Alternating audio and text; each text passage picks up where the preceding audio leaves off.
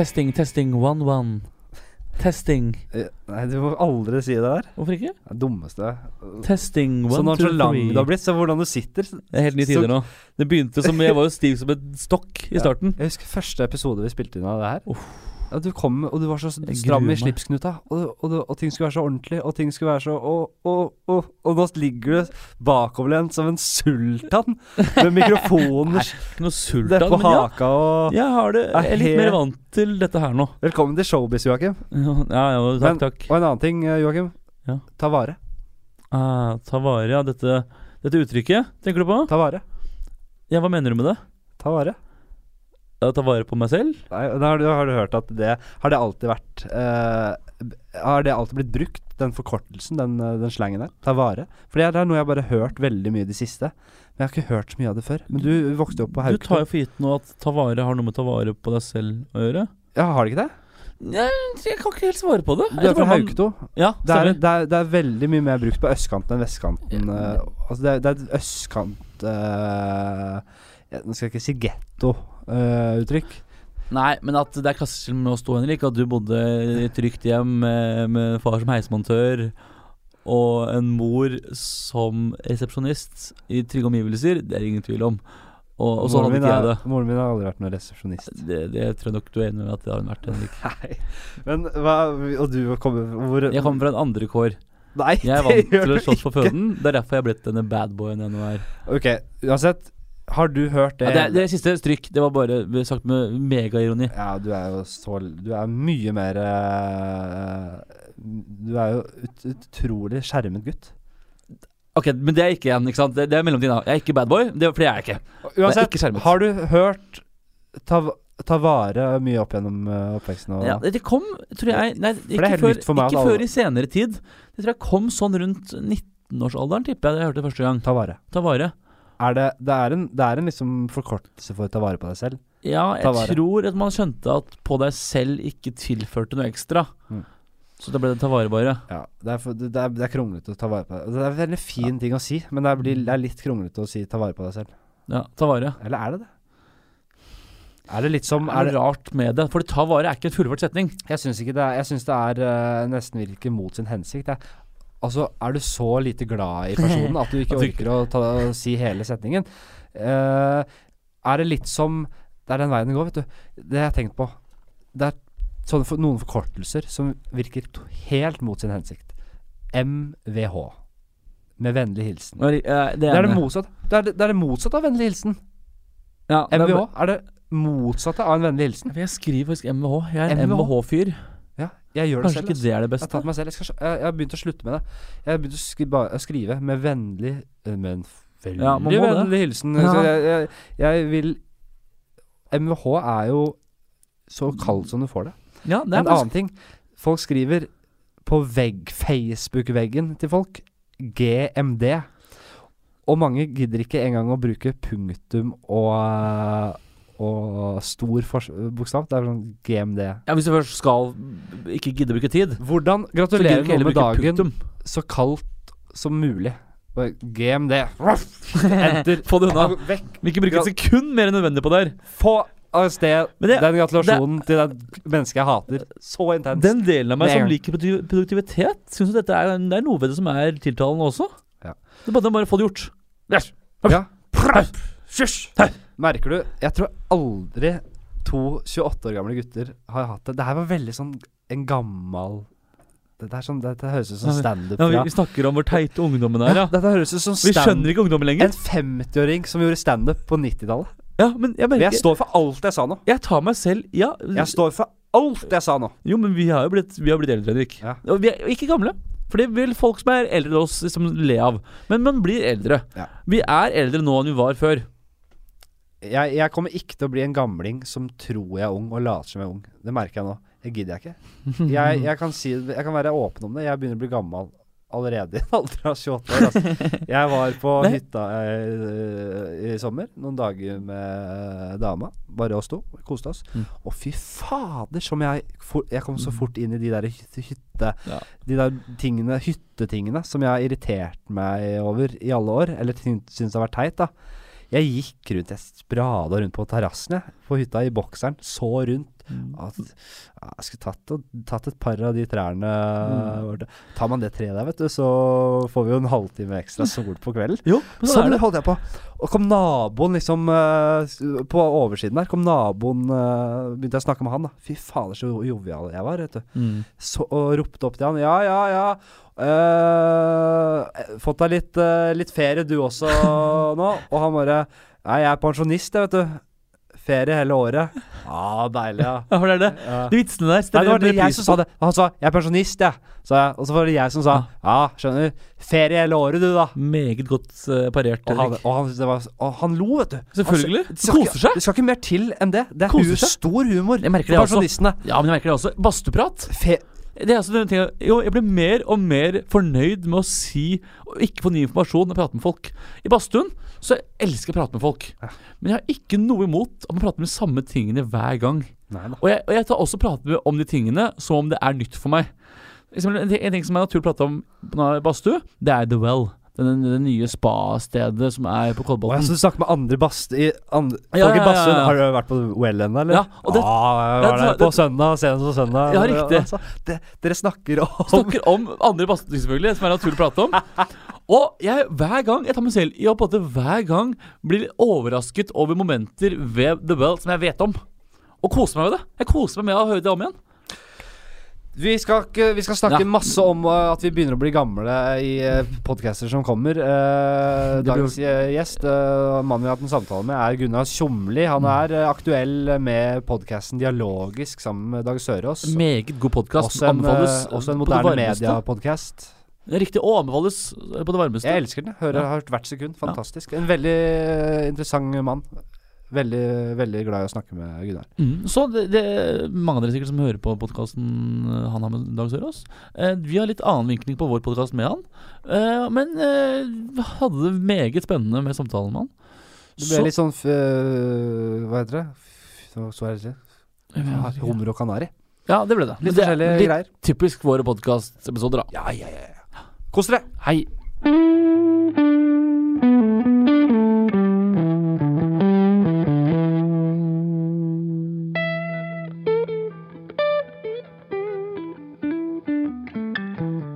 Dagens gjest er daglig leder i IT-selskapet Thin. Han er for øvrig gjest her fordi han er blogger, foredragsholder og forfatter. Han vant prisen for Årets sterke mening i Vixen Blog Awards 2013, og gjennom sitt samarbeid med Nettavisen har han en av Norges mest leste blogger. På bloggen sin Saksynt skriver han mye om vitenskap og kritisk tenkning. Høsten 2013 ga han også ut boken Placebo-defekten. Hvorfor alternativ behandling virker som den virker. Gunnar Somlid, hjertelig velkommen til Jordsmonn. Tusen takk. Velkommen. Det var en av de mest ryddige introduksjonene du har hatt eh, så langt, eh, Joakim. Jeg kan si hva grunnen er. Det er at alt er stjålet. Ja. Det er Så ærlig må jeg bare være. Det er eh, direkte avlesning, mer eller mindre, Ja. eh, av det han selv har skrevet om seg selv. Husker du, du husker ikke det selv, at du har skrevet det? Nei, Ja. Det minner meg på at jeg må jo oppdatere den og få med en ny bok mer her. Ja, jeg vet det. Kommer også inn på Blitt, den boken blitt etter noen hvert. flere priser siden den gang? Nei, bare snus. Jeg begynte å snuse. Så jeg legger inn Det må en pris med. i ny og ne. Eh, Gunnar, du er en selverklært skeptiker. Hva legger du i det? Jeg tror jo at alle er skeptikere. Til syvende og sist så er vi jo skeptikere. Um, men for meg så handler jo skeptisisme Det var en eller annen fyr som formulerte det fint. Det er egentlig at du alltid skal følge uh, dataen der de leder deg. Altså Mm. vitenskapelige, forskningsbaserte data. Og det er jo det jeg prøver på, selv om jeg er veldig ydmyk for at jeg har jo alle mine biases, som det alltid mangler et godt norsk ord for. Bias. Bias. Ja. Mm. Um, uh, som alle andre. Og jeg holder jo en del foredrag om dette og snakker om nettopp hvordan vi har masse mekanismer i hjernen, og vi har koder til å se mønster og sammenhenger som ikke er der. Med, det er veldig mange sånne ting som er der hos alle sammen. Uansett om du har en doktorgrad, uansett om du har en IQ på 150, så, så har vi alle de samme mekanismene som du må egentlig aktivt jobbe for å overvinne. Ikke sant? Kan du komme med bare ett eksempel fra, fra hverdagen? Et vanlig eksempel fra hverdagen. Det vanligste er vel kanskje dette med å se falske årsaker og virkninger. At du Mm. ser et eller annet som skjer, eller opplever et eller annet, eller du gjør et eller annet, og så skjer det et eller annet seinere, og så trekker du en, en sammenheng mellom de to, selv om det veldig ofte ikke er en sammenheng. Men for meg så koker det jo ned til den erkjennelsen av at mennesker i, i veldig stor grad er meningsskapende maskiner. Det er det hjernen vår er. til. Hjernen er ikke der for å, å vise oss et objektivt korrekt bilde av virkeligheten. Hjernen er der primært for å skape en virkelighet som får deg til å føle at du er i kontroll, Ja. og som får deg til å føle at dette gir deg mening. Og det er så ufattelig farlig, for det betyr at hele tiden vi har disse erkjennelsene der du føler at dette gir meg mening, eller dette føles veldig sant, så betyr bare det at hjernen din har gjort en veldig god jobb med å koble sammen noen, noen uh, datapunkt eller et eller annet som gir deg en følelse av mening. Ja. Og du får et sånn uh, uh, nå Står det helt stille for meg, hva heter det kjemiske stoffet som gir deg et positivt kick? Dopamin. Dopamin. Det gir Ja. deg et dopaminkick. Um, og det er veldig farlig, og derfor har jeg jo har jo sagt at i det øyeblikket du føler at du har virkelig skjønt et eller annet, eller føler at dette gir meg mening, eller du får funnet meninger med livet, Ja.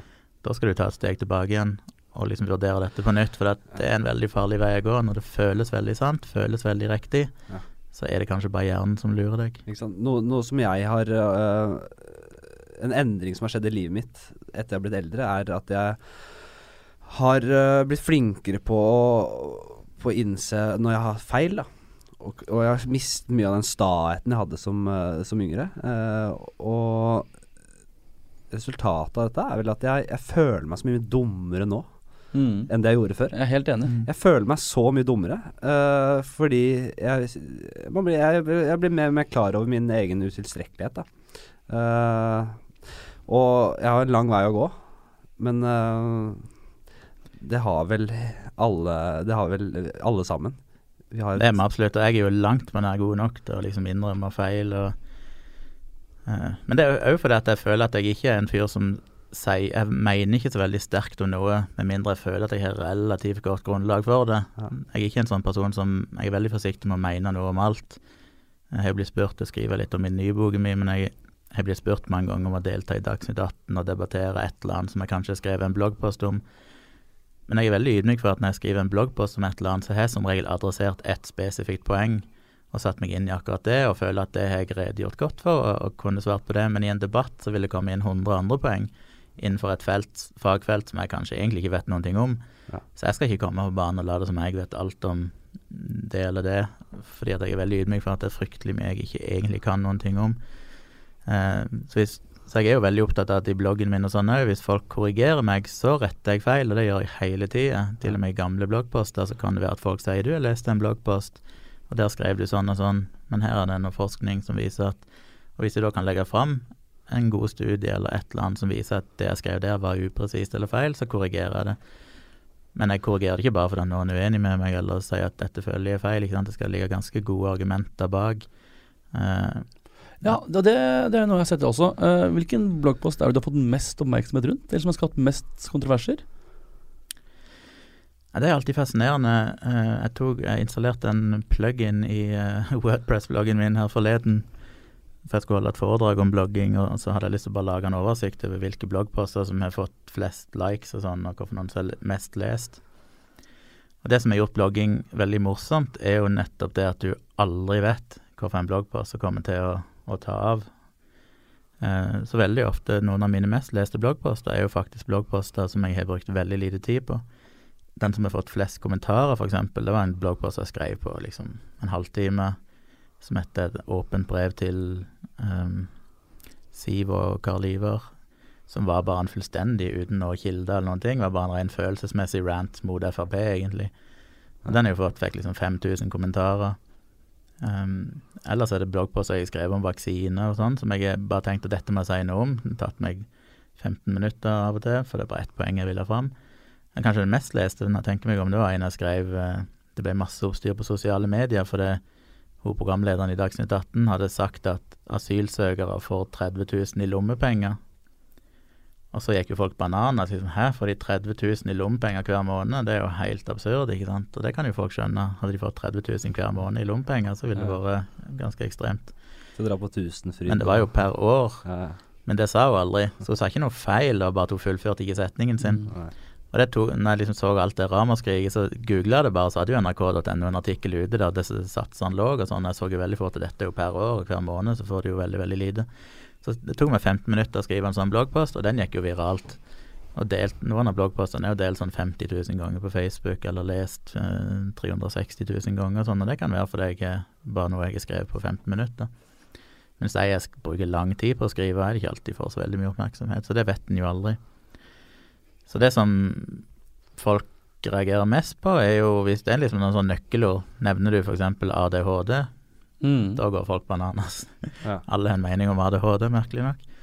Eh, selvfølgelig, eh, når jeg toucher innom innvandring, islam, et eller annet sånt, så er jo folk veldig, veldig eh, engasjerte.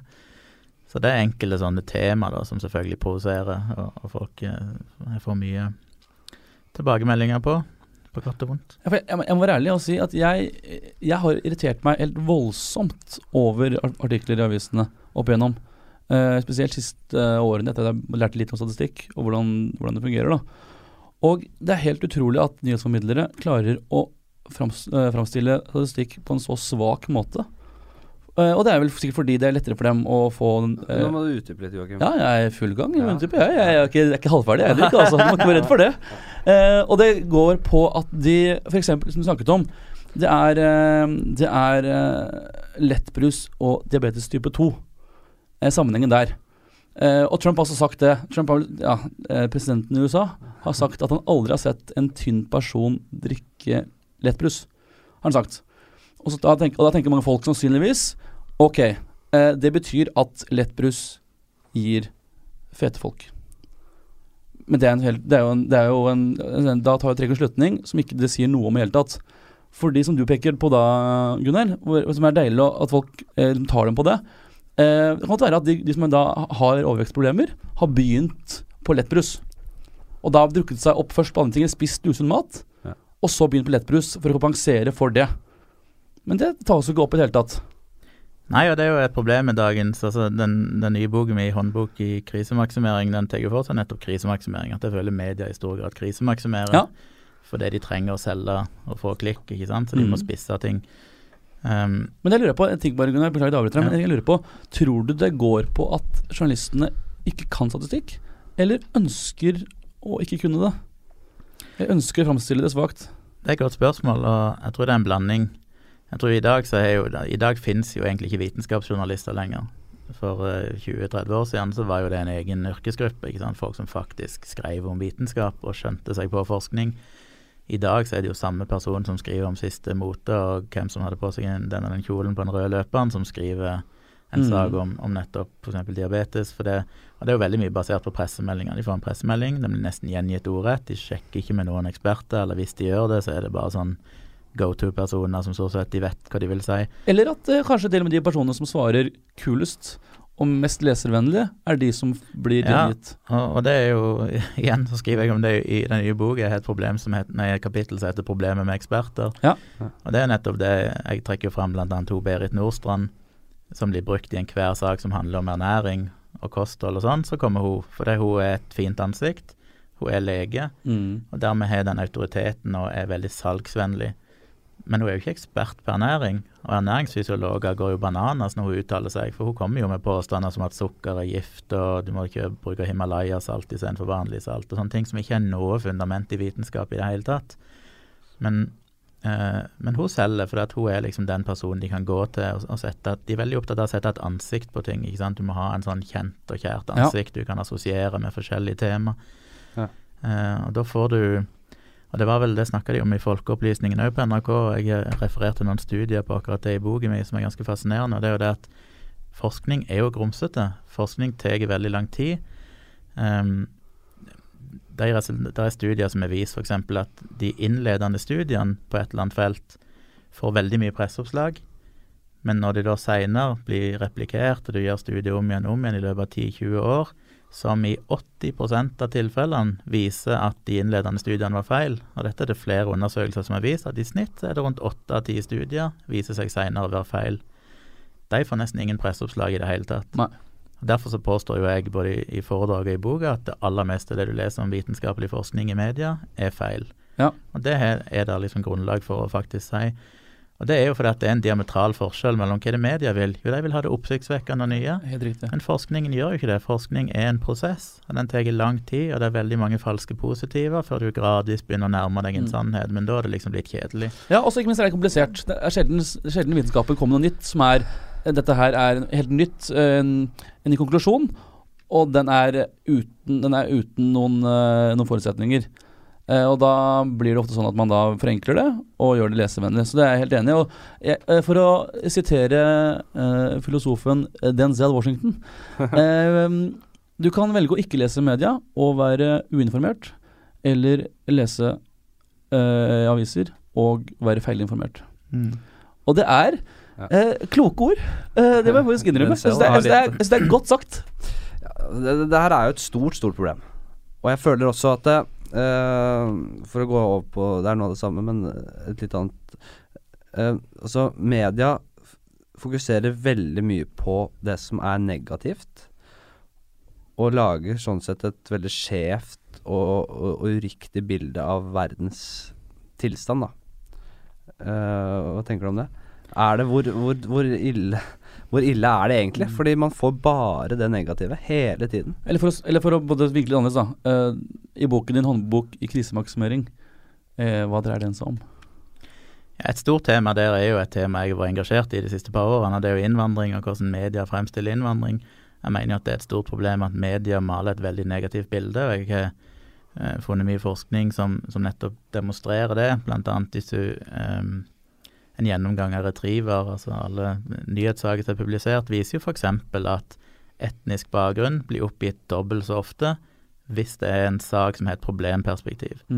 Så saker som er nøytrale eller positive, der en innvandrer, en person med innvandrerbakgrunn er liksom hovedpersonen, så er det ikke så ofte de nevner hvor han kommer ifra. Det er ikke så viktig. Men i det øyeblikket det er kriminalitet eller radikalisering eller noe sånt, så er det veldig viktig. Og Det gjør jo at du veldig mye oftere får lese om ikke-vestlige innvandrere når det er noe negativt. Det er da det blir fokusert på hvor de er ifra. Den type ting eh, maler et litt skummelt bilde. Det samme er jo politiet hadde en rapport i 2011 der de eh, undersøkte om folk trodde det ble mer kriminalitet. Og 8, det, nå husker jeg ikke helt om det var 70 eller 80% men noe rundt der, mente at det ble mer, stadig mer kriminalitet. Statistikken viser jo at det synker. Det Ja. har sunket de siste 15 årene. Den nyeste rapporten som politiet kom med nå for ei uke siden, viser jo at antall anmeldelser i Oslo er det laveste det har vært på veldig, veldig, veldig mange år.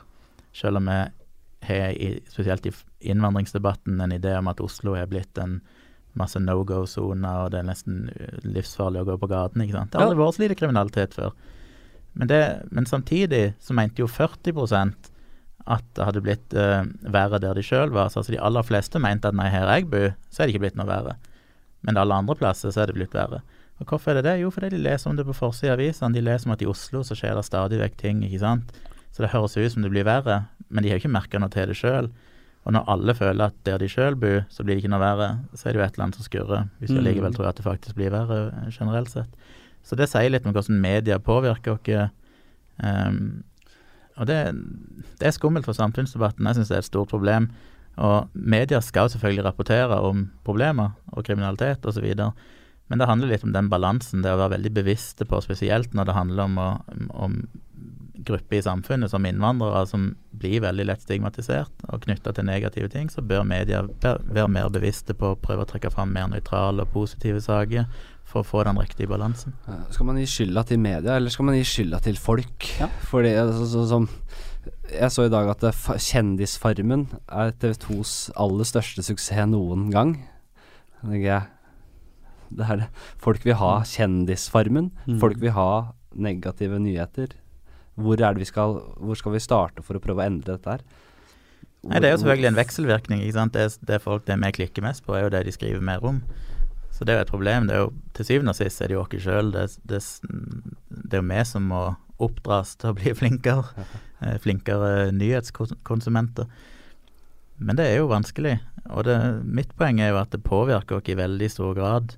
Med en undersøkelse i Europa i fjor viste jo at det var ganske mange europeiske land som anså terrorisme f.eks. som en av sine tre største utfordringer. Trump har jo innført lover og snakka mye om terror, ikke sant. I Norge så er det mye snakk om terror. Men det som aldri blir sagt, er at ja, ok, kanskje eh, radikale islamister ifølge PST akkurat nå utgjør den største terrortrusselen. Det høres veldig skummelt ut, men risikoen er jo tilnærmet lik null. Ja. Og det er jo det som ikke blir sagt. Eh, det, det dør jo 5000 mennesker i USA hvert år av kvelning fra å ha spist hotdogs. Ja. Det er flere som dør av at de får et TV i stua som faller på seg, enn folk som dør i flyulykker, f.eks. Men det er ikke det perspektivet vi har. Vi tenker ikke at det er farlig å spise mat, eller at eh, det er farlig å, å sitte hjemme og få TV på seg. Men med, det, altså det er større sjanse for å dø når du er på flyplassen, enn når du faktisk er satt i flyet og er i lufta. Men de perspektivene klarer vi ikke å håndtere som mennesker, fordi vi har en hjerne som ikke er helt tilpassa det. Og boken min er delt i to deler. Del én handler nettopp om det. Hvordan har vi evolvert til å oppleve frykt, og hvordan vurderer vi risiko. Og Jeg prøver å sette det inn i perspektiv. Og det handler jo om dette med at vi har en hjerne som er veldig primitiv, til syvende og sist. Vi har jo en steinalderhjerne eh, som ikke er skjøtt så veldig mye med. Og det er klart at Beklager å avbryte deg, men jeg, faktisk, det er noe jeg vil inn på. Eh, og det er ut fra et evolusjonsperspektiv. Mm. Hvorfor tror du det er sånn som, som det er? Nei, altså for 10 000 år siden, hvis du opplevde et eller annet som var farlig, så var det sannsynligvis farlig. For det du opplevde var nødvendigvis i din umiddelbare nærhet. Kanskje det var noen som fortalte deg en historie rundt leirbålet, men da var det likevel noen i din gruppe. Så hørte du om noe som var farlig, eller opplevde noe farlig, så var det berettiget at du burde føle frykt. I dag får vi jo inntrykk, titusenvis av inntrykk hver dag av ting som skjer over hele verden. Og risikoen for at det skal skje med deg er tilnærmet lik null, eller kanskje er null. Mm. Men det klarer ikke hjernen å skille på. Det skaper likevel en fryktopplevelse i den primitive delen av hjernen. Dermed så opplever vi frykt rundt ting, og vi blir veldig dårlige til å vurdere risikoaspekter. Eh, Så vi har sett en hjerne som ikke er tilpassa det moderne informasjonssamfunn, og det er jo det som fucker oss fullstendig opp, Mm. og gjør at vi ikke klarer å se eh, og holde debatten på et, et nivå som faktisk er rasjonell lenger. Jeg er helt enig. Ja. Eh, en ting jeg, Og jeg, jeg, jeg bare Dette her jeg må si, dette her er vel mye terapi for min del som på en måte er som noe annet. Ja. Og det er en sak som jeg har eh, jeg, har- jeg, har, jeg har reagert veldig sterkt på den. Og jeg, men jeg føler ikke Men jeg har ikke vært noe informasjon rundt det. Og det gikk på dette med Trump igjen, beklager å ta opp det, men, men jeg syns eh, det, det er litt greit å ta opp det også. Og det var meningsmålingene. Og det sier at alle meningsmålingene var feil. Mm. Det viser at meningsmålingen gikk fra at det var 50-50 på om man vinner altså var siste runde, da. Eh, 50-50 om, han- om han eller Clinton skulle vinne. Eh, det gikk fra det til og med 99 sannsynlighet for at Clinton skulle vinne, og 1 til at Trump skulle vinne. Det var liksom Det var da vid, eh, bredden i hva meningsmålingene mente for noe. Og så vinner Trump, og så sier de alle meningsmålingene var feil. Jeg vet hva jeg mener om det utsagnet. Hva tenker du om det? Og det har blitt analysert veldig mye om i, i mange uker nå. Ja. Ehm, nei, jeg tror ikke jeg skal si så mye om det. Jeg, eh, det er et komplisert felt, det er sikkert mye, mye som spiller inn. Jeg har ikke hatt noen sånn veldig sterke meninger om det sjøl. Ok, Da må jeg bare si hva jeg tenker om det. Og det er at meningsmåling gir sannsynlighet på hva som skal skje. Men idet det, er- i det det er mer enn 0 sannsynlighet for at Trump vinner, så kan du ikke påstå at meningsmålingen var feil, eller at sannsynligheten var feil. Fordi det var innenfor den sannsynligheten som det kunne, det kunne skje. Og det skjedde. Eh, men det føler jeg som at alle sier det var feil. Eh, og alle kan ha rett, for alt vi vet. Du kan ikke påstå at det er feil. Uh, men igjen, jeg merker at det er jeg som Jeg, Jeg, jeg, jeg har utløp, behov for utløp, uh, og det Ja. Um, jeg vil snakke litt om Du er også veldig god på, på kildekritikk. Uh, eller du driver i hvert fall med kildekritikk. Eh, og eh, Facebook eh, er noe som jeg eh, selv begynner å bli litt skeptisk til nå. Eh, og det husker jeg veldig godt. Det var en spesiell ting som, som, gjorde, at jeg, som gjorde at jeg reagerte. Og det var, det var, det var en av de periodene var mest betent mellom Israel og Palestina. Um, så så jeg en film på Facebook som uh, sa at uh, en israelsk uh, Israel bombet et begravelsesfølge i Palestina. Og så viste det da filmen fra det, hvor de da filmet um, Filmet at de bombet begravelsesfølget. Mm. Og selvfølgelig, folk reagerte jo med vanvidd på Facebook. Eh, før det senere kommer fram at eh, dette her var et videoklipp fra ja, en type fem år tidligere, og i Tyrkia. Eh, og da Hvilke utfordringer ser du på når du har Facebook eh, som, som en kilde, eller som en uh, nyhetsutgiver? Nei, Det store, store essensen i det du snakker om nå, er at kildekritikk må inn på læreplanen Mm. veldig, veldig tidlig. Ja. For meg kommer i en situasjon nå der det er mye, mye viktigere enn noen, altså det er viktigere enn noensinne har vært før. Og det er jo vært mye av det jeg har drevet med når jeg ikke vært så aktiv på den fronten i det siste, men tidligere så blogga jeg en del om det, sånne ting som folk delte viralt, og så gikk jeg inn og sjekka er dette faktisk sant, så var det veldig ofte ikke det, da. Eh, men det er klart det krever energi, det handler jo òg mye om at vi er lade. Eh, ting som er lett å dele, ting som appellerer til et eller annet vi ønsker å tro, deler vi gjerne videre Mm. uansett. Spesielt hvis det bekrefter et eller annet vi ønsker å tro er sant. Jeg har jo gått i den fella sjøl et par ganger der jeg har delt et eller annet, for jeg var helt sikker på at dette virka sannsynlig. Og Coney 2012. Uh, det er han derre Coney? han er en slags er en geri- geriljaleder som uh, man skulle ta rotta på og prøve å få, få tatt. Ja. Eh, og det var en sånn svær kampanje, og det ble en sånn verdensomspennende eh, engasjement rundt dette her. Så viste det seg at det bare var tull og tøys, hele greia. Husker jeg, det er noen år siden. Jeg husker jeg, jeg, jeg, jeg, brant, brant meg på det.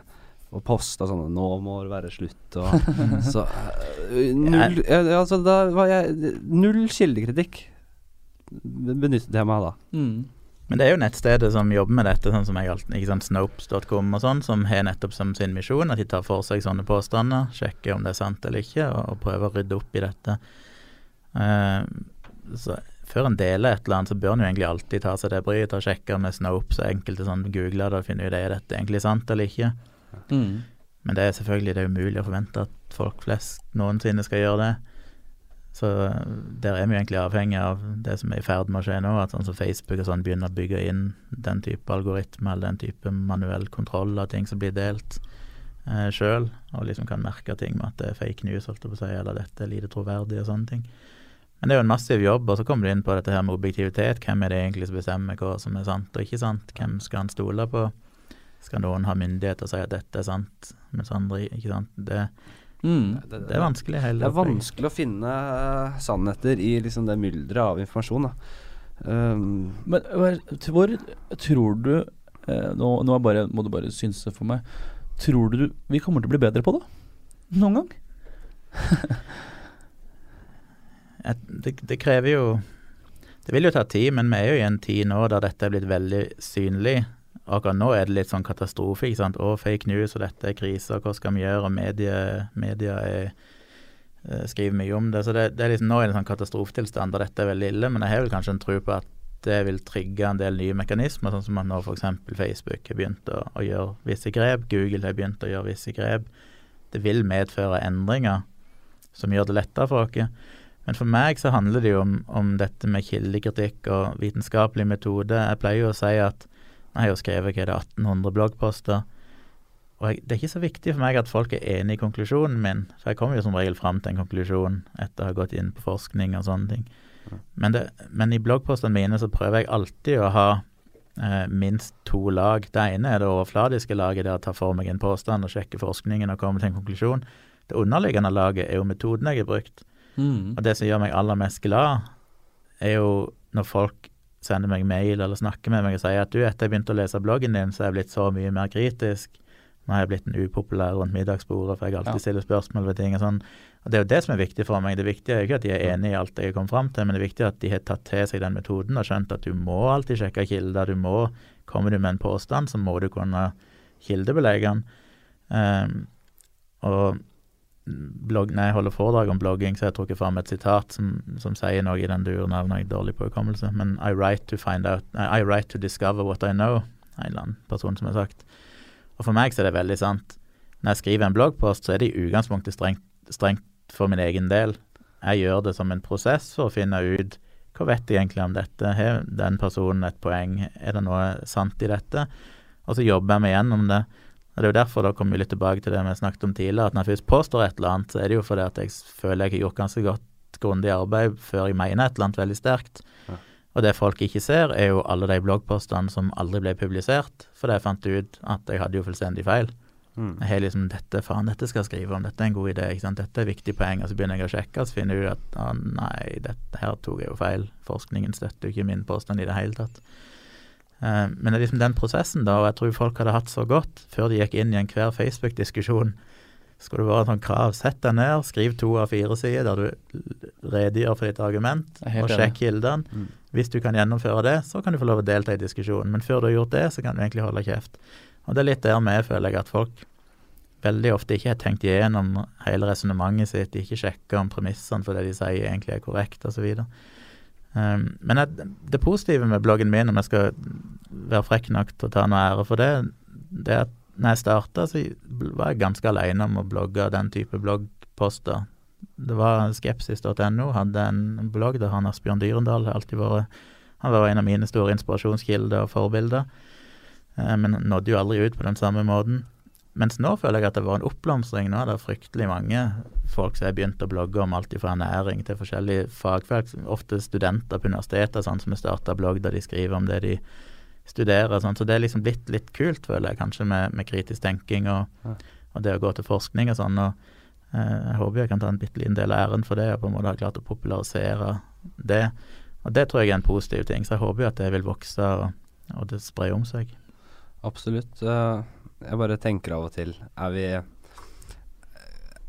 Er i ferd med å bare drukne i i folk som ikke bryr seg, og som se, søker den lette underholdningen, som uh, Altså, det finnes jo mange som uh, det, det, er mange som syns syns uh, kritisk tenkning er viktig, og som Men hvor mange er det ikke som driter helt fullstendig i det, da? Som klikker på alle de der uh, lettbruslinkene og kjøper det, og som ikke er så nøye. Er vi i ferd med å bare hvor, Den utviklingen? Jeg kan, også, jeg kan, også, bare legge for eh, Hva du sier der, er jo faktisk eh, litt det vi også tenker med podkasten her. Er faktisk litt på det sporet der også. Eh, og det er den derre eh, i hvert fall, i hvert fall sagt litt innad, jeg og Henrik, ja. at hvis vi får valget Hvis alt eh, med to forskjellige eh, personer eller ikke, alt er likt, men en er kjendis og ikke kjendis, så vil vi faktisk heller ha en ikke-kjendis til å snakke om det temaet. Og det er litt, litt sånn mot, eh, mot, akkurat det der. At vi syns eh, Og det er ikke noe at ikke det er naturlig at man liker kjendiser og syns det er spennende, men vi vil liksom ha en litt annen vinkling på det eh, som gjør at folk som da kanskje er litt mer ukjente, men som har mye smart, eller mener mye smart eller er flinke på et tema, skal få sjansen til å snakke, de også. Eh, og da føler jeg også det blir eh, Grunnen til at du hører på podkasten da, er eh, litt annerledes da enn hvis det er en eller annen Petter Pilgaard som snakker om et tema. Vi syns at det er noe veldig mange tilbyr, men færre tilbyr til ting som det her, som er lite grann eh, ja. Jeg husker jeg leste en sak uh, for en stund siden, og det var noe sånt som uh, Kjendisfisker bekymret over lakselus. ja, skjønner du? Og det var to journalister Det var to journalister som skrev den artikkelen. Kom fram til at det ja. At det er innafor. Sånne ting syns jeg er så rart. Folk vil jo ha enkle, enkle, og tydelige svar. Det er jo et stort problem. Og det var det jeg, jeg begynte å si tidligere, men aldri helt fullførte. kom jeg på nå. Det var det som Folkeopplysningen tok opp, og som jeg skriver om disse studiene som viser at um, forskere som er uh, som sannsynligvis har mest rett, er jo ofte òg veldig mye mer nøkterne og tar mye mer forbehold ikke sant? At jo, vi kan kanskje si det, men det er svakheter i studien, og vi vet ikke helt ditten og datten. Mm. Mens de som er veldig tydelige og sier at sånn er det, de vil media ha. Mm. Og det er derfor litt sånn Berit Nordstrand og, en del sånne folk er veldig ofte i media, fordi at de gir veldig tydelige og klare svar. Det er ikke så nøye om det er sant eller korrekt, men de er veldig tydelige, og er veldig spisse. Eh, og det er jo igjen da denne her Det blir en sånn antitese til hva forskning handler om, for forskning er jo veldig, eh, som regel veldig ja, grumsete, som jeg sier. Det er veldig sjelden helt klare svar. Men du får ikke forskerne som tar alle disse forbeholdene, de får ikke en stemme i media. Nei, nei. Og Det er jo et problem òg, at du vil ha de der veldig tydelige spisser. Og det er jo et valg jeg òg har tatt. ikke sant, hvor Det hadde vært lett å være den personen som hadde veldig sterke meninger om ting, og bare være sånn Sånn er det, ferdig med det. Da vil media ha deg. Da har du fått delta i all slags debatter osv. Men i det øyeblikket du er veldig mer forsiktig og tilbakeholden og sier ja, vi vet ikke helt, og, og, dette er litt mer komplisert enn som så, og sånn, så, så, får du ikke den eksponeringen. Så igjen så føler jeg at det er en sånn diametral forskjell mellom de som faktisk får eksponering i media, og de som kanskje burde hatt det. Ja. Og det igjen skaper jo en veldig stor skjevhet i, i den informasjonen vi får. Vi får veldig mye feil informasjon. Absolutt. Ja, jeg, jeg, jeg jobbet med et uh, prosjekt under Matdagene. Det var vel i 2015, tror jeg. Da jeg og tre andre komikere hadde en, eh, en slags ja, en workshop med en, ja, en seks-syv eh, forskere innenfor da folk som forsket på ja, GMO og, veldig mye forskjellig. Eh, gode, gode forskere. Eh, og de, de eh, For å ta GMO da, som et eksempel, så hadde de så mye å si om det. Eh, de har så mye eh, kunnskap på området, men journalister, alle journalister de snakker, om, eh, snakker med, de vrir og vender på det. De feilsiterer, og de skal bare ha det negative. Det er fokuset deres. Så de var veldig, veldig oppgitte. Det er, eh, det er en lei eh, Det er leit, leit det her, altså. Men jeg bare for å ta litt skyld vekk fra media også. Eh, media kan jo gjøre det her fordi det er det folk vil ha. Bare sånn vi Ja, vi skal ikke svartmale det her eh, helt. Eh, Henrik, eh, du har lest litt av boken til Gunnar. Jeg har Om- lest Jeg har ikke fått begynt å lese på den nye. Håndbok i krisemaksimering. Men jeg har Nei, det, det beklager jeg. Uh, jeg har sett på Kjendisfarmen. Nei, jeg, jeg har lest i uh, boka di 'Placebo-defekten'. Som jeg trodde het placeboeffekten uh, fram til eh, for et par dager siden.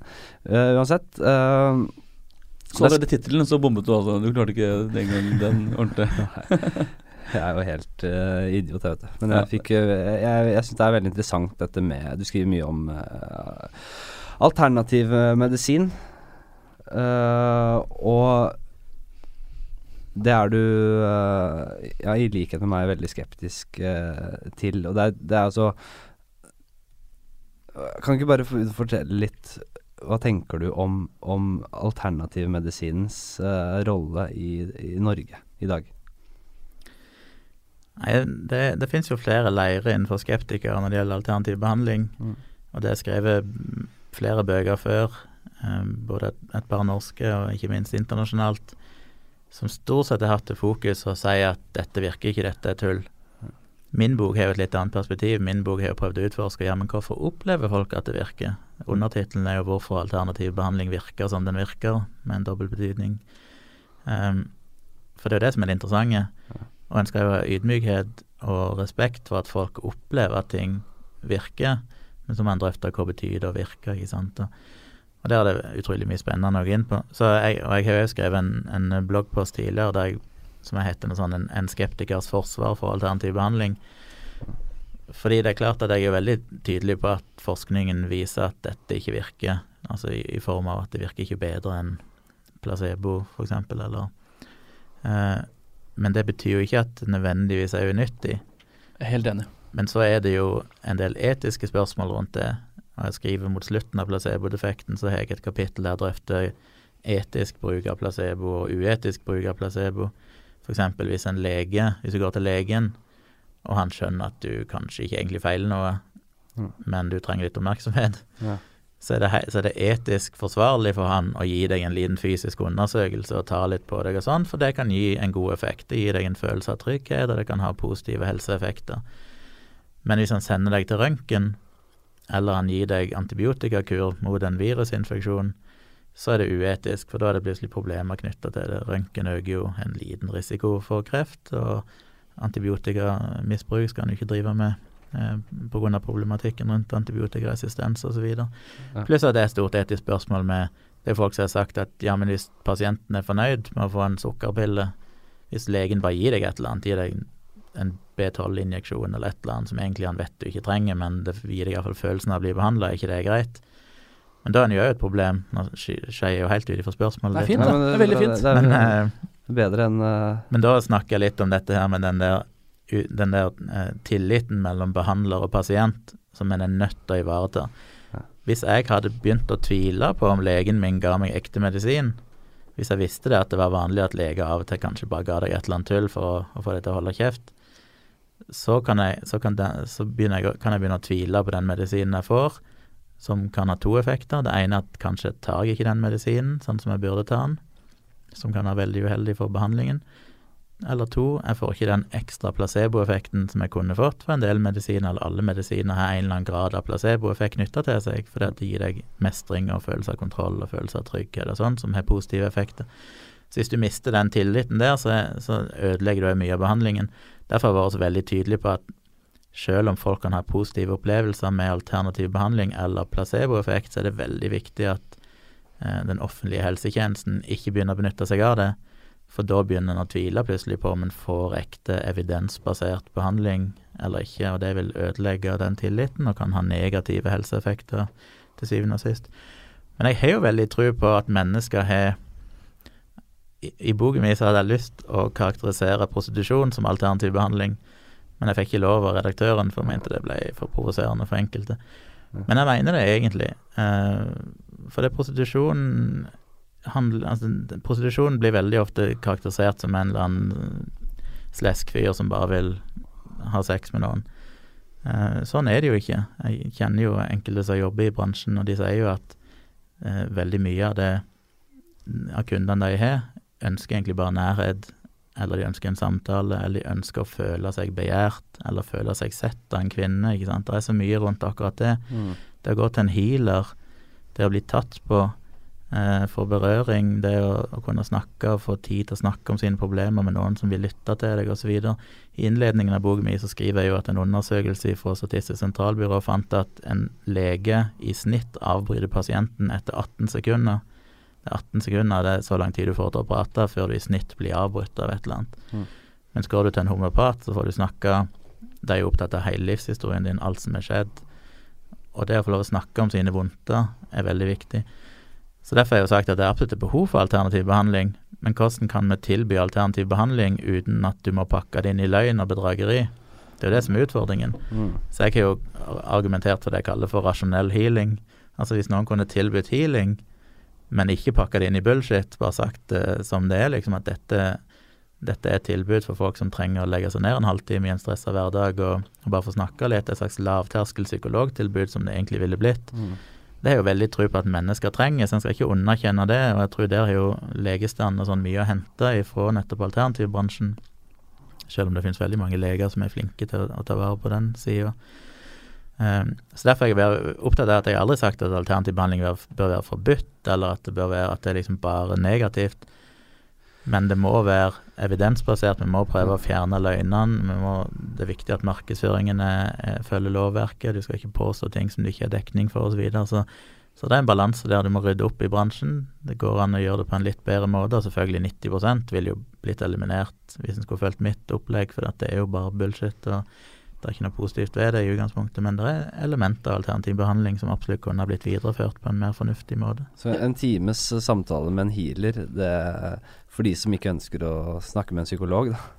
Jeg tror jo det er veldig Altså Undersøkelser viser jo at de som går til alternativ behandling, går ikke, de gjør det ikke som et alternativ til skolemedisin. De går faktisk mer til legen enn det folk som ikke tror på alternativ behandling, gjør. Eh, og det er jo ganske interessant. Så de benytter seg mer av helsevesenet enn det andre folk gjør, men de trenger noe mer. Så det er for å fylle et eller annet behov de har som ikke legen kan gi dem. Og det er jo det behovet En kan jo være så uenig med det som en vil, men det er jo et behov som er der, som mennesker vil ha. Det er jo folk som har sagt at veksten av alternativ behandling kommer i kjølvannet av at religion f.eks. har blitt redusert. Jo mer sekulært et samfunn blir, jo større blir trangen til, til alternativ behandling. og sånn. For tidligere så hadde du menigheten. Du hadde en gruppe som du kunne snakke med, du hadde en prest å gå til, du hadde liksom de som ivaretok dette behovet folk har i dag, som i USA og en del andre land, og sikkert mer og mer i Norge òg, blir ivaretatt av en shrink. Du går til psykiateren din, alle har en psykiater de går til, ikke sant, eller en psykolog. Um, og det er jo fordi vi har det til syvende og sist, det behovet. Disse her familiebåndene og disse gruppene har jo i stor grad gått i oppløsning, så du har ikke den der Du ikke den gruppefølelsen sånn som du hadde tidligere. Og da er jo en healer veldig god å gå til. Du trenger ikke noen henvisning, du kan gå og snakke om dine problemer osv. Jeg tror absolutt at det er positivt. Jeg merker en gang at her, jeg, det, dette her er liksom et ekkokammer for min del, eh, Gunnar. Fordi jeg, eh, jeg, jeg er helt enig i ditt synspunkt på det du sier om, eh, om placebo. Uh, og det er Det, det folk, hører folk si, er liksom at jo, men det er bare placeboeffekt. Men det som er viktig å påpeke da, er jo at placeboeffekt er også en effekt.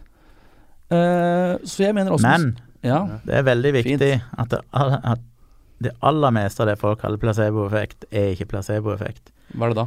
Uh, Det er stort sett det jeg setter for regresjon mot normalen. Altså at du, veldig enkelt forklart, når er det du søker behandling? Jo, denne ting er på sitt verste, eller i Ja. ferd med å bli verre. Og uansett hva du hadde gjort da, så ville det blitt bedre. Når folk sier at ja, folk har gått til Snåsamannen, og så kommer skeptikere og sier at nei, ja, hvis de blir friske, så er det bare placeboeffekt, det er for enkelt. Det er Ja. sannsynligvis Det er kanskje en grad av placeboeffekt, altså denne her um, forventningseffekten som blir innfridd. Men det aller meste av årsaken til at folk føler de blir friske etter å ha gått til Snåsamannen eller en homopat, er jo at de, vil, de, de går der med en lidelse som i 99% av tilfellene går over seg sjøl likevel. Så det handler bare om å gi det nok tid. Eh, Det skriver jeg i boka, en eller annen filosof som sa at eh, mesteparten, eh, altså før den evidensbaserte medisinen for noen hundre år siden, som snakka om at eh, det han gjorde når han behandla pasienter, var stort sett å bare få tid til å gå mens de ble friske av seg sjøl. Og det er jo egentlig det alternativ behandling er. Det handler om å få tid til å gå, underholde pasienten fram til de blir friske av seg sjøl. og, folk og det er jo det folk kaller placeboeffekt, men det er ikke noe med placeboeffekt å gjøre, det handler bare om at det aller meste går faktisk over seg sjøl. Og det interessante er når du snakker med folk som har brukt alternativ behandling, at de veldig sjelden bruker Det er ikke sånn de sier at ja, jeg var syk i mange år, og så gikk jeg til en homopat, og så ble jeg frisk. Det må jo være et bevis for at homopati virker. Men hvis du sjekker den pasienten, hva de faktisk har gjort, så har de først gått til den, den Mm. behandleren, så har de gått til den behandleren, og så har de prøvd tre behandlere som gjorde det, og så har de bare fylt tida si. Og selvfølgelig, det siste du prøver før du blir frisk, vil jo få æren for å ha gjort deg frisk. Men det er jo ikke sånn at de gikk kun til den ene, og så ble de frisk. Magi. Nei, de har bare fylt tida. Men det er klart at det er en mekanisme som hjernen vår er veldig dårlig til å oppfatte. Vi ser en veldig sterk korrelasjon mellom at du gjorde et eller annet, du gikk til en homopat, du gikk til en kiropraktor, og så ble du god i ryggen din. All forskning viser at kiropraktor f.eks. har null effekt på en vond rygg. Ikke noe bedre enn noe som helst annet, det er bedre å gå seg en tur. Eh, men i nesten uansett hva du gjør, så blir folk i løpet av to til tre måneder, så blir den vonde ryggen bedre igjen. Så om du bruker yoga for akupunktur, går til kiropraktor, går til fysioterapeut for smertestillende, så blir du stort sett frisk etter to til tre måneder. Og alternative behandlere er jo veldig glad i å behandle barneastma. Og det er mange historier om det. Ja, barnet mitt hadde astma når det var tre-fire år gammel. Gikk til eh, akupunktør eller en krystallhealer, og så ble barnet mitt friskt etter tre måneder. Ja, men alle barn blir friske for barneastma tilnærmet etter når de kommer i en fire-fem års alder. Samme kolikk, ikke sant. Kolikk går alltid over etter tre til fire måneder. Uansett hva du gjør for å Mm. behandle kolikk, så vil barnet ditt bli friskt. Men folk føler jo veldig sterkt at det var behandlingen de oppsøkte som gjorde barnet friskt. Eh, Så det er alle sånne her mekanismene her som, som lurer oss veldig, og det er vanskelig å Og det er jo fordi vi har behov for å føle at det valget vi gjorde, spesielt for vårt eget barn, der vi ønsker å være en god forelder, var utløsende for at barnet ble friskt. Vi trenger å føle den føle på den eh, gode følelsen det kanskje gir, og har tatt grep og fiksa liksom, barnet sitt problem. Så vi rasjonaliserer veldig sterkt at det var den homopaten eller den akupunktøren som gjorde det. Men sannheten er jo at det som regel bare var reg regresjon mot normalen. At når ting er på sitt verste, ja, så blir det jo bedre uansett hva du gjør. Altså, jeg, jeg, jeg reagerer litt mer på at uh, Altså, jeg syns ikke vi skal Jeg syns ikke det er helt greit at man bare sier ja, hvis man går til Snåsamannen eller en healer, så får man en god følelse, og, og, og det skal være greit.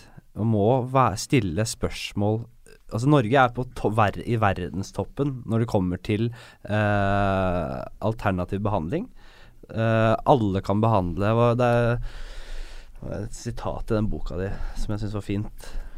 Alle kan behandle hvem som helst kan Ja. behandle hvem som helst og hva som helst. et eller annet i den duren. Men altså, nor norsk lovverk er jo det mest liberale i verden Ja. på alternativ behandling. Det. Og, og, det skal være, og, og det, at det, det, det at det skal være greit å, til, å tilby homopati, det syns jeg er helt i grenseland. Homopati er jo da Du kan det bedre enn meg. Altså tull og tøys, da. Rett og slett. Bare surr. Jo, men altså I boken min så prøver jeg å lage et spekter. eh, Som sagt, Det er ikke ei bok som skal ta for seg masse alternativ behandling. Jeg tar bare for meg tre typer alternativ behandling. Det er homopati, kiropraktikk og akupunktur. Ja. Og det er ikke tilfeldig valgt. Jeg har valgt homopati fordi det er helt ute i, i religionens land. Det er bare magi. det er All forskning viser at det ikke virker. Det finnes heller ikke noen grunn til at det skal virke. Du får jo, det er jo du får en pille eller en, en eller annen med remedie som er fortynna så mange ganger at det ikke er et eneste molekyl igjen av det opprinnelige stoffet, så det du får er bare alkohol eller vann blanda med laktose. Eh, så det kan ikke virke, og det virker ikke.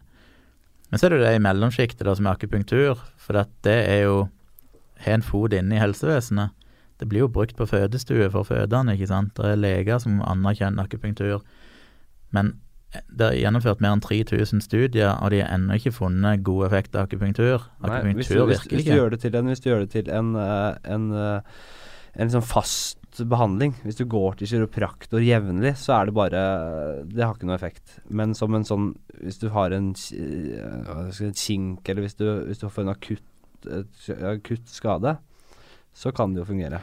Ja, altså derfor er jo kiropraktikk det siste temaet jeg tar opp, for det tenker jo veldig få på som alternativ behandling. Men opprinnelig så var det jo veldig alternativt. Og I USA og sånn så er det veldig mye alternative kiropraktorer. Altså Kiropraktorer har et veldig alternativt syn på at det er jo en, en form for De manipulerer chi, egentlig. Altså de manipulerer livskraften, at alt, alle dine problemer kommer gjennom ryggraden ikke sant, og sprer seg ut og påvirker organer og sånn. I Norge så er jo kiropraktikken mye mer stuerein. Det er veldig mye evidensbaserte kiropraktorer som er veldig opptatt av å følge forskning og sånn.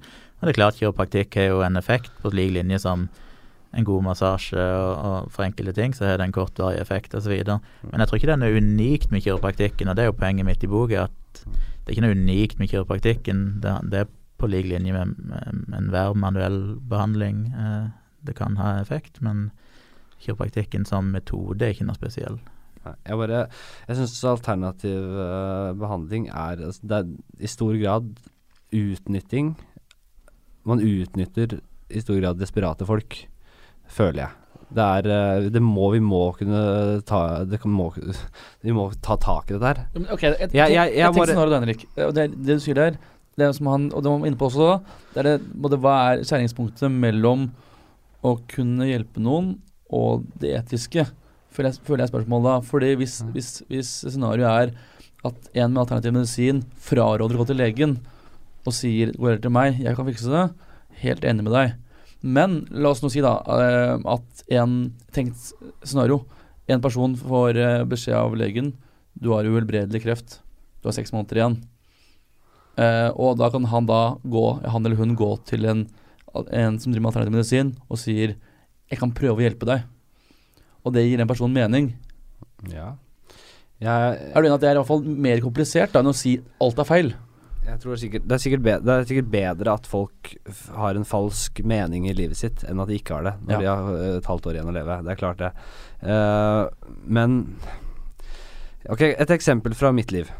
Jeg hadde en, eh, en, en tann. Jeg fikk slått ut en eh, tann av en sigøyner uh, etter en tur på byen. Uh, det er en annen historie. Eller er det samme historie? nei, nå var jeg, nesten det er det. Samme historie. ja, det ble samme historie. Kan du ikke ta en liten med kjapp innom det, bare hva som det var, det var for noe? nei, jeg var på vei hjem fra byen, og så har jeg en kompis som var svært naiv, og som ble kompis med en Jeg, jeg sa sigøyner, det var litt Han var nok ikke det. Han var nok Hvor var han fra? Jeg var jo i rettssak og greier. Det er ikke så farlig. En kompis av meg som er ganske naiv, han eh, ble kompis med en fyr og gikk og holdt rundt han og hoia og hadde det hyggelig. Og Ja. plutselig så gikk det fra hygge til eh, til et basketak, fordi da hadde han eh, stjålet telefonen hans til kompisen min, da. Ja. Eh, og vi gikk bak til dem og skulle finne ut av det her og hjelpe de til, og så, før jeg visste ordet av det, så, hadde han, så no, må, måka han til meg. Rett på kjeften. Men uansett, jeg gikk jo til uh, tannlege med dette her. Uh, tanna var i ferd med å dø ut. De prøvde å liksom få liv i den. Uh, hvis ikke de fikk det til, så måtte de rotfylle tanna. Eh, det gikk mot rotfylling, og da foreslo hun tannlegen min at eh, jeg kanskje skulle øh, Kanskje kollegaen hennes kunne hjelpe meg. Hun drev med en litt sånn alternativ form for tannle alternativ tannlegebehandling. Eh, så og, og, og nevnte noe med akupunktur og Så jeg tenkte ok, kanskje det er noen nåler som skal stikkes inn i tannkjøttet, og det, det kan jo ha en effekt. Det virket eh, logisk for meg. Så jeg sa ja, hvorfor ikke? Og jeg går, kommer til hun dama, og, og jeg satt gjennom hele behandlingen og var jeg, jeg, vet, jeg var tett opptil 100% sikker på at dette var skjult kamera. Jeg ventet bare på at uh, Jan Fredrik Karlsen skulle hoppe fram med sjampis og kamerateam. Fordi det var altså så inn i granskauen latterlig. Jeg lå i en tannlegestol, bakoverlent i en tannlegestol, og så skulle hun prøve å selge meg forskjellige produkter. Da jeg skulle holde et produkt hun skulle selge meg i hånda, og holde hånda strakt ut, og da sto hun over meg og skulle dytte den hånda mi nedover. Presse hånda mi nedover. Hvis jeg klarte å gjøre motstand, så ville jeg ikke ha produktet. Hvis hun klarte å dytte hånda mi ned, da ville jeg ha produktet.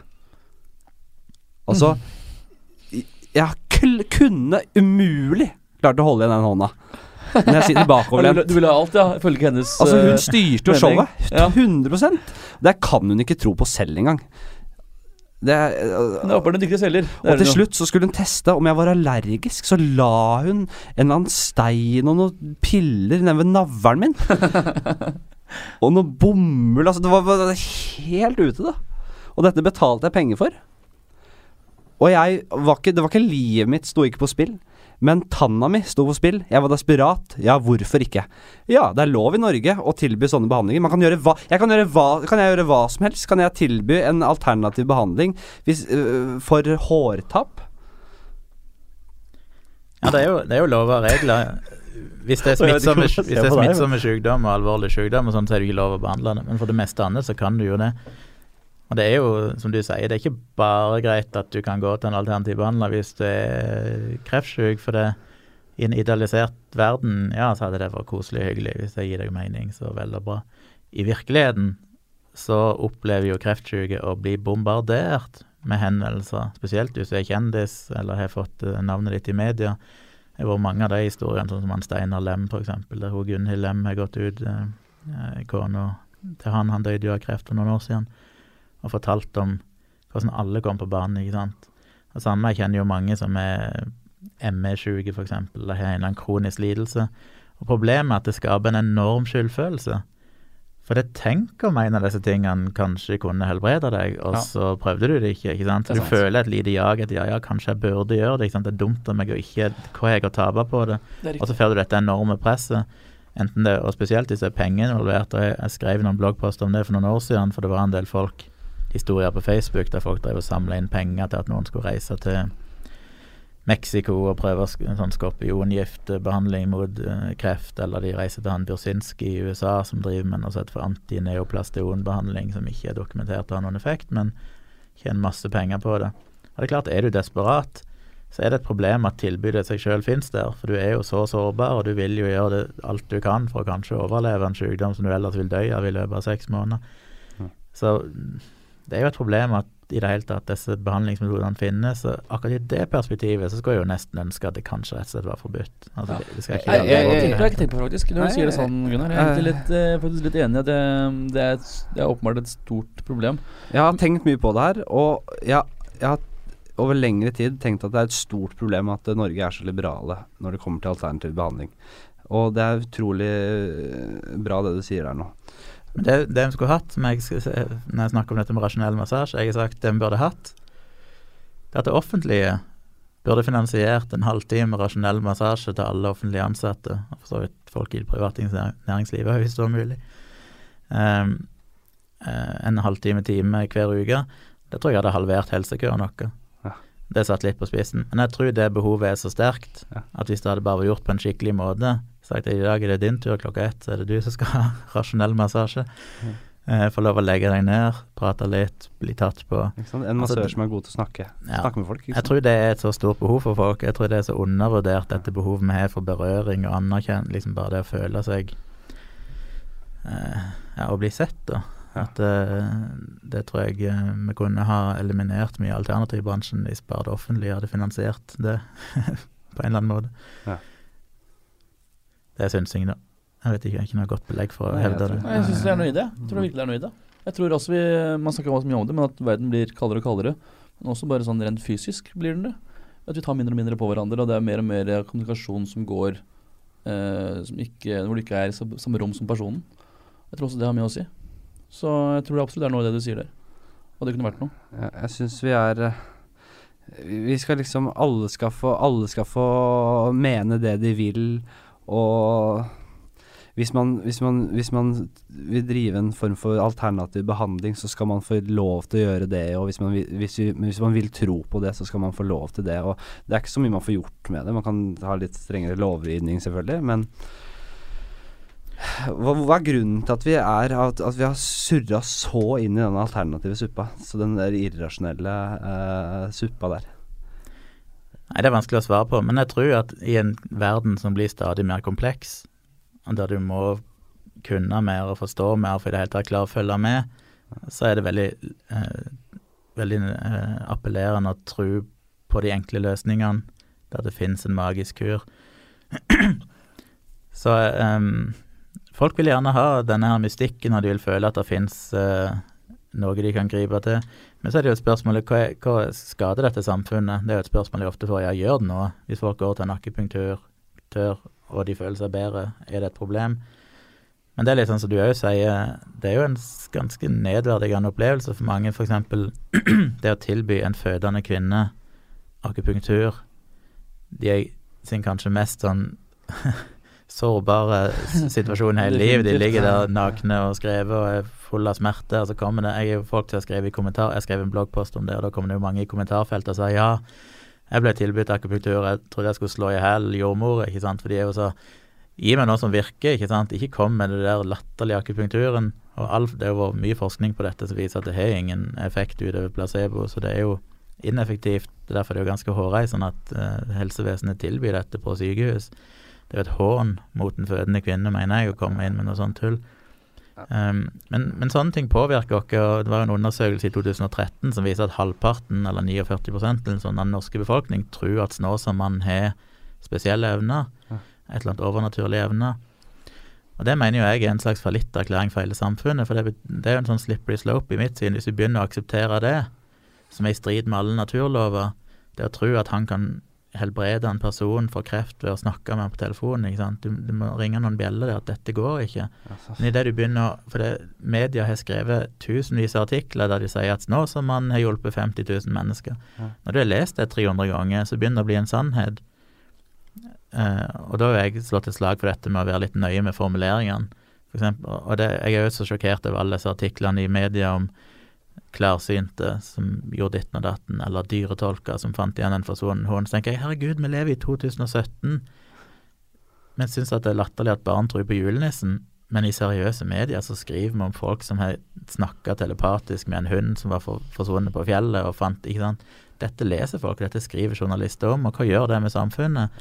Det er bare Når du hører disse historiene, så begynner jo folk å tro at ingen røyk uten ild, det må kanskje være et eller annet der. Og så begynner du gradvis å senke terskelen for det kravet du har, den standarden du har til evidens, og liksom hva er det vi egentlig skal tro på. Og da er vi i en situasjon der vi i dag der plutselig fake news og hva som helst blir akseptert, for vi har jo rett og slett blitt bedøvet til å slutte å tenke at Jeg mener, når mainstream media skriver om så mye idiotisk, som vi egentlig skal ha en form for tillit til, hvorfor skal vi ikke da tro på et eller annet absurd nettsted som skriver at Clinton myrda en eller annen person, ikke sant? Eh, det, det påvirker samfunnet, det, men det er sånn Det er vanskelig å konkretisere det eller å bevise at det er sånn, men jeg har en veldig sterk følelse av at dette er negativt for samfunnet, og dette er en del av den trenden vi ser. Så når folk sier ja, men er det så farlig, så sier jeg at for den enkelte personen som går til nakkepunktør, sannsynligvis så går det helt greit. Det er riktignok veldig mye mer bivirkninger og skader fra akupunktur og kiropraktikk og sånn enn det som egentlig kommer fram, men sannsynligvis går det helt greit. Det er helt ufarlig. Men for samfunnet, over tid, når dette blir gjengitt i media gang på gang på gang, helt ukritisk, så svekker dere som rasjonelt tenkende individer og en ender opp i en tilstand der Trump blir falt til president, for å sette det litt på spissen. Ja, Men jeg tror at det er litt den veien det går, da. Og jeg tror media gjør en fantastisk jobb, det er mange gode journalister, men det er veldig mye tull og ukritisk journalistikk, og jeg tror at det skader dere veldig mye mer enn det mange kanskje tenker over. Jeg bare skyte inn, altså Fjernhealing er en utbredt greie. Det, det, man, man, man, stoler så mye på healing-behandlingen eh, at man er villig til å Man trenger ikke å oppsøke healeren engang. Man kan få det via telefon. Det er, det, det, er som om man, det er som om man bare Det virker ikke som man tror på det sjøl. Man bare Kan, man kan man ikke bare i tillegg fjernhile fjernheale uten telefon? Jo jo, det er jo mange på Facebook. Så det Ja. er hva er det der Kirstens fjernhealing eller sånn som annonserer ukentlig. Men Er ikke dette Alle- ytterpunktet av det vi alle som vil om? bli Altså? fjernheala i kveld, skriv navnet sitt i denne tråden. Og så gjør jo folk det. Hundrevis skriver navnet sitt, eller tagger det, eller liker det, eller et eller annet sånn. Ja. Og så klokka åtte i kveld så blir dere fjernheala. Nå er det riktignok gratis og greit nok, men det er jo andre som opererer med at du, når pengene er på konto, når du har overført pengene, da starter fjernhealingen. For et fantastisk konsept. Rasjonelt betalt for å bare ligge og se på uh, Kjendisfarmen mens folk tror de blir heala samtidig. det er jo genialt. Lotepus har vondt i armen på Kjendisfarmen og blir fjernheala. Da har du på- sak da har du- ja, Nei.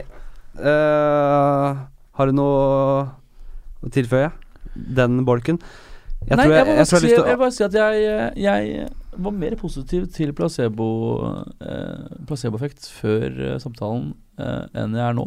Ja. For jeg ser egentlig vesentlig Eller det jeg mener er at veldig med debatten er at det, er negativt. Så tenkte jeg det er en positiv ting.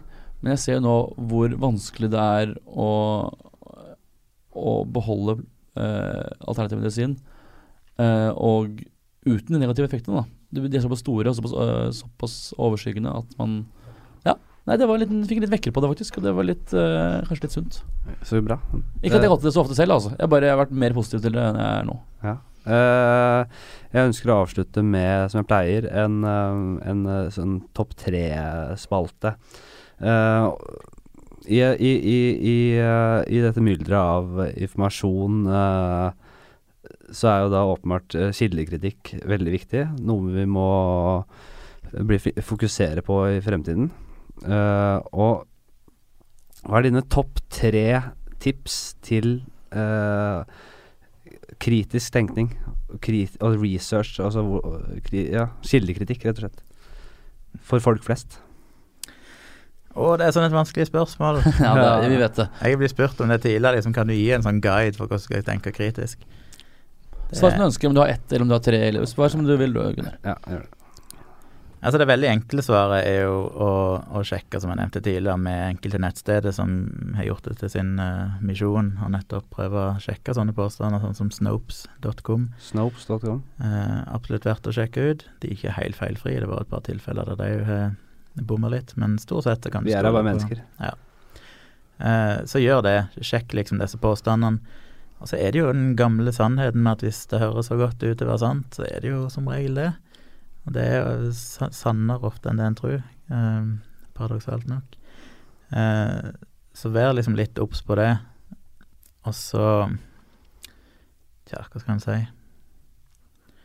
Ikke Vi hadde gjort Vi hadde kommet veldig langt hvis folk var litt mer forsiktige med musefingeren sin, og ikke nødvendigvis delte ting fordi det var sant. Og da kommer vi egentlig tilbake til det vi innleder med, som kanskje er det viktigste tipset, at hvis det er noe som føles veldig sant fordi det gir deg mening, eller fordi det bekrefter et eller annet som du ønsker å tro er sant, så skal du egentlig være ekstra på vakt alltid. Eh, Det er jo der jeg òg har brent meg et par ganger, som sagt. Delte ja. par artikler som bekrefter veldig sterkt det jeg ønsker om tro om et eller annet, eller om en person, eller et eller annet sånt. Ja. Eh, og det, det blir så den, den trangen til å liksom få bekrefta og dele med hele verden at 'se, jeg hadde rett allikevel', Ja. den kan fort gjøre deg veldig ukritisk. Så det er kanskje det viktigste tipset, at i det øyeblikket du føler at noe føles veldig sant ut, så, så vær på vakt. Eh, da skal du kanskje sjekke det en ekstra gang før du deler det videre eller påstår noe. Ja. en ting til. Jeg eh, Mange leser Dagbladet og VG på nett og er fornøyde med det. Men eh, har du noen tips til eh, andre nyhetskanaler som eh, driver grundig, god journalistikk? Jeg vil bare nevne for min egen Jeg er ikke så Jeg må bli mye flinkere på det selv, men jeg syns Vice Vice lager mye, mye bra, der de går, virkelig går inn i, i kjernen av problemet. Der de har baller nok til å faktisk oppsøke kjernen av problemet. Har du noen andre tips til eh, hvor folk bør se?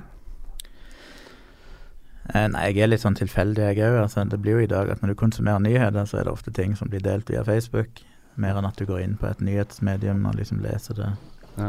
direkte.